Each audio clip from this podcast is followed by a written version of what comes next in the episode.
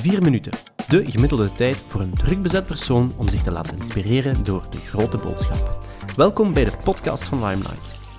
Welkom Pieter in onze volgende aflevering van onze podcastreeks. Uh, vandaag gaan we het hebben specifiek over een boek uh, wat je samen met Mark Beners geschreven hebt, uh, Soft Skills in Ondernemerschap. Ik begrijp eigenlijk, um, ja, eens als dat businessplan op punt staat, dat jullie eigenlijk wel echt meer um, met die soft skill bezig zijn met, met de studenten. Ja, en dat deden we zonder dat dat eigenlijk formeel ingebeitseld zat in het opleidingsonderdeel. En toen hadden we dus van, ja, we gaan daar uh, een soort van extra leerlijn binnen het uh, stukje in, allez, een extra leerlijn van maken. Maar we zijn dan op zoek gegaan naar misschien een soort van begeleidend studieboek of handboek en dat vonden we niet. In de zin van dat er geen boek was daar waar meerdere soft skills samen in vervat waren op een hapbare manier voor jonge mensen. En toen zeiden Mark en ik van, ja, waarom maak, schrijven we dan geen eigen boek? En dan, dat is eigenlijk dankzij corona, want ik, we hebben dat in volle uh, eerste lockdown geschreven. Uh, en daar, daarom had ik er ook wel wat meer tijd voor om dat te doen. Want als ze mij nu, nu vragen ze natuurlijk altijd wanneer komt uw tweede boek, dan denk ik, ja, uh, dat weet ik niet. Want daar heb ik nu niet meer zoveel tijd voor als, als toen. Ja, er was toch niks te doen, dus ik zat echt soms van s morgens tot s avonds te schrijven. Um, en dus hadden we zoiets van, we gaan een boek schrijven voor jonge ondernemers, maar eigenlijk voor, en toen hadden we, het woord jong stond ook eerst in de titel, en toen hadden ze zoiets van, nee, want dat is voor iedereen eigenlijk. Mm. Uh, en dat is ondertussen ook bevestigd, gelukkig. We hebben, uh, we hebben de keynote al, al over heel Vlaanderen gegeven aan jonge mensen, aan oudere mensen, aan, aan echt een gezonde mix tussen alles. Maar we zijn dan op zoek gegaan naar misschien een soort van begeleidend studieboek of handboek, en dat vonden we niet. In de zin van dat er geen boek was daar waar meerdere soft skills samen in vervat waren op een hapbare manier voor jonge mensen. En toen zeiden Mark en ik van, ja, waarom maak, schrijven we dan geen eigen boek? En dan, dat is eigenlijk dankzij corona, want het, we hebben dat in volle uh, eerste lockdown geschreven. Uh, en daar, daarom had ik er ook wel wat meer tijd voor om dat te doen. Want als ze mij nu, nu vragen ze natuurlijk altijd wanneer komt uw tweede boek, dan denk ik, ja, uh, dat weet ik niet. Want daar heb ik nu niet meer zoveel tijd voor als, als toen. Ja, er was toch niks te doen, dus ik zat echt soms van morgens tot avonds te schrijven. Um, en dus hadden we zoiets van, we gaan een boek schrijven voor jonge ondernemers, maar eigenlijk voor, en toen hadden we het woord jong stond ook eerst in de titel. En toen hadden ze zo, nee, want dat is voor iedereen eigenlijk. Mm uh, en dat is ondertussen ook bevestigd, gelukkig. We hebben, uh, we hebben de keynote al, al over heel Vlaanderen gegeven aan jonge mensen, aan oudere mensen, aan, aan echt een gezonde mix tussen alles.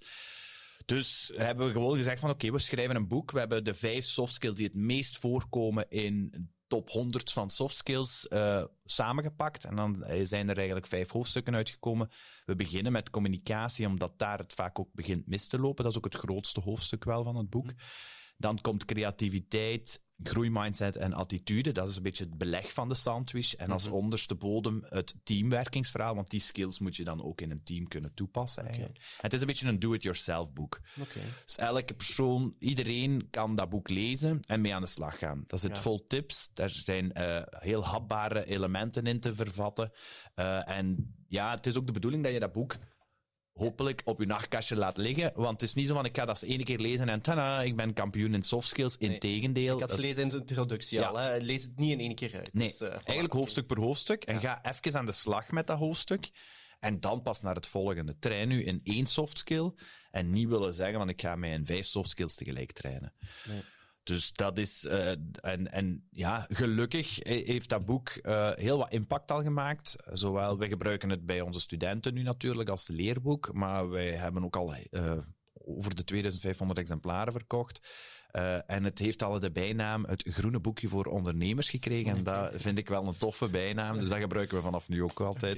Okay. Uh, dus ik ben eigenlijk heel blij dat dat zoveel impact maakt. En ik ben daar ook gewoon van overtuigd dat dat nodig was om die soft skills wat meer in de kijker te zetten. Ja, ja. ja en ik denk zeker omdat je haalt hè, jonge ondernemers aan, maar ik denk zelfs zeker bij de, bij de oudere ondernemers die misschien nog net uit een iets conservatievere leerschool komen, dat, dat die kennis, naar soft skills, ook zeker wel heel uh, relevant zijn. Voor hunzelf, maar ook vooral voor hun medewerkers. Want het zijn die medewerkers die vragen om ook getraind te kunnen worden in die skills en niet, met manier van spreken, de zoveelste technische opleiding die ze gaan moeten volgen.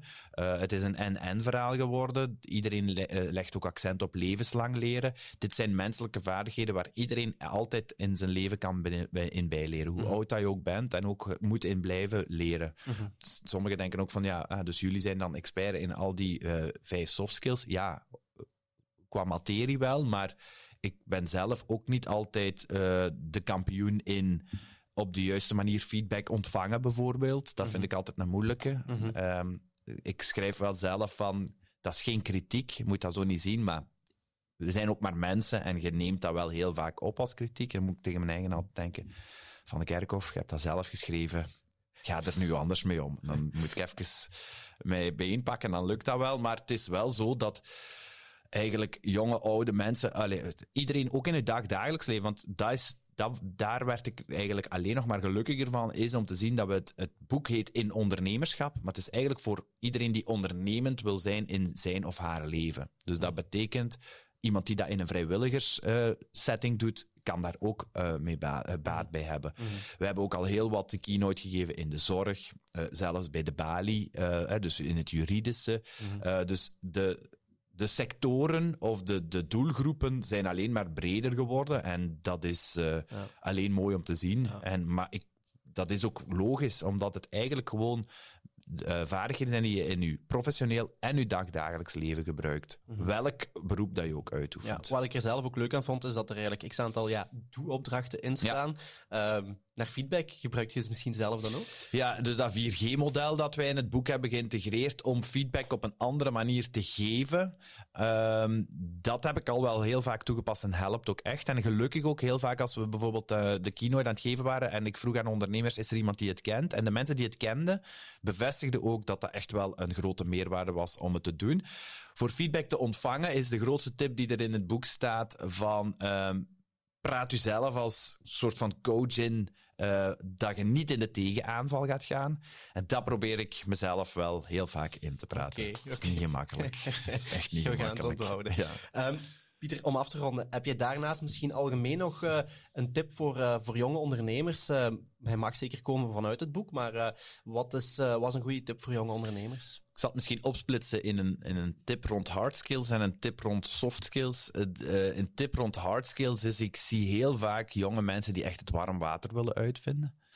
Um, en die het gewoon te complex maken. Dus ik zou zeggen, begin klein en maak het daarna complexer en groter.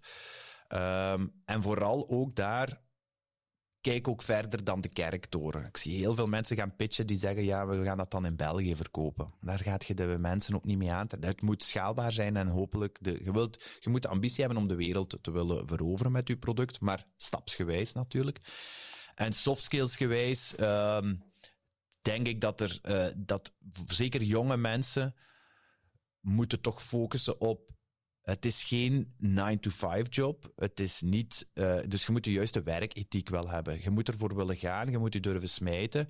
En dat gaat niet altijd even gemakkelijk gaan, maar je gaat er ook wel dingen voor moeten opofferen. En dan zie je vaak nu dat die zeggen, ja, maar nee, maar dat gaat niet, want dan heb ik voetbaltraining. Ja, mm -hmm. maar ja, als je, en, en, nee, dan gaat dat ook niet, want dan moet ik naar de scouts, of dan gaat dat niet, want dan ga ik op stap. Ja, dan gaat je ook niet kunnen ondernemen. Ja. Dus die werkethiek, die, die, die mindshift doen, dat is wel een belangrijke. Uh, en bovenop het feit dat communicatie nog altijd beter is, zoals wij dat aan het doen zijn, en niet via de telefoon, ja. of vooral niet met de duimen. Uh, en daar zie je toch heel vaak dat dat nog altijd uh, okay. gebeurt. Dus dat zou beter face-to-face eigenlijk. Oké. Okay. Zeg, Pieter, misschien nog een laatste vraag. Um, als ik het zo hoor, jij komt met zoveel uh, innovatieve uh, mensen en, en, projecten, of, of, potentiële projecten eigenlijk, uh, in aanraking. kriebelt het zelf dan niet om links of rechts eens iets, iets op te Ik denk dat dat de vraag is die ik het meeste in mijn leven krijg. Oké. Okay. ben, je zelf, ben je zelf ondernemer? Of heb je zelf al ooit... Mijn studenten vragen ook altijd, meneer, heb je dan zelf een onderneming? Um, nooit gehad. Ik ben wel altijd heel ondernemend geweest. Uh, dus ik voelde wel dat dat in mij zat. Uh, gaande van, ik was prezes bij de Chrysostomos van uh, het zesde middelbaar. ik heb jarenlang in het bestuur van mijn tennisclub gezeten. Ehm, ik pak ook altijd alles vast. Uh, ik ben degene in de vriendengroep die altijd alles moet regelen en cadeaus moet kopen voor verjaardagen. Een tip aan de vrienden, doe het dus zelf, dankjewel. um, maar vooral ook binnen de universiteit beschouw ik mij wel een beetje als intrapreneur. Dus ik probeer wel ondernemer te zijn binnen die universiteit en, en ja, dingen, initiatieven opzetten. Um, en dat is dat is een uitdaging. Uh, maar ja, niks belet mij om dat te doen. En ze laten het mij ook doen, dus daar ben ik heel mm. blij van. En daarbuiten probeer ik wel, ja, de, de, het ondernemen zit ook in, in heel Vlaanderen rond te rijden om keynotes te gaan geven en, en mm-hmm. bedrijven helpen om, om, om beter te worden. Maar puur echt, ik heb mijn eigen zaak gehad. Uh, niet, ja, mijn collega en ik, uh, dus ik heb nog een andere collega, uh, docent, ook hoofddocent ondernemerschap Jelle Schepers. Wij hebben samen, um, we zijn nu wel bezig met het ontwikkelen van een eigen matchmaking tool voor co-founders. Dus oh ja. we hebben een wetenschappelijk onderbouwd algoritme gemaakt.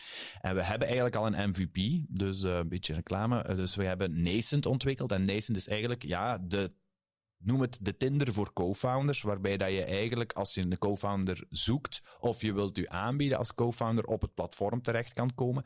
En via het algoritme word je gematcht met degene die op het platform zitten, zodat je eigenlijk al weet van ja, wie is nu volgens, de, uh, volgens het algoritme een goede match met mij. En dan kan je contact opnemen met die mensen om co-founders te zoeken. Waarom hebben we dat gedaan? Omdat we zien dat, um, zoals ik al eens gezegd heb, ondernemen is geen solo-reis. Plus, bijvoorbeeld programma's à la iMac iStart en dergelijke, daar komt je zelfs niet binnen zonder co-founder. Mhm. Daar gaan ze, ze steken geen geld meer in mensen die het alleen doen. Mhm.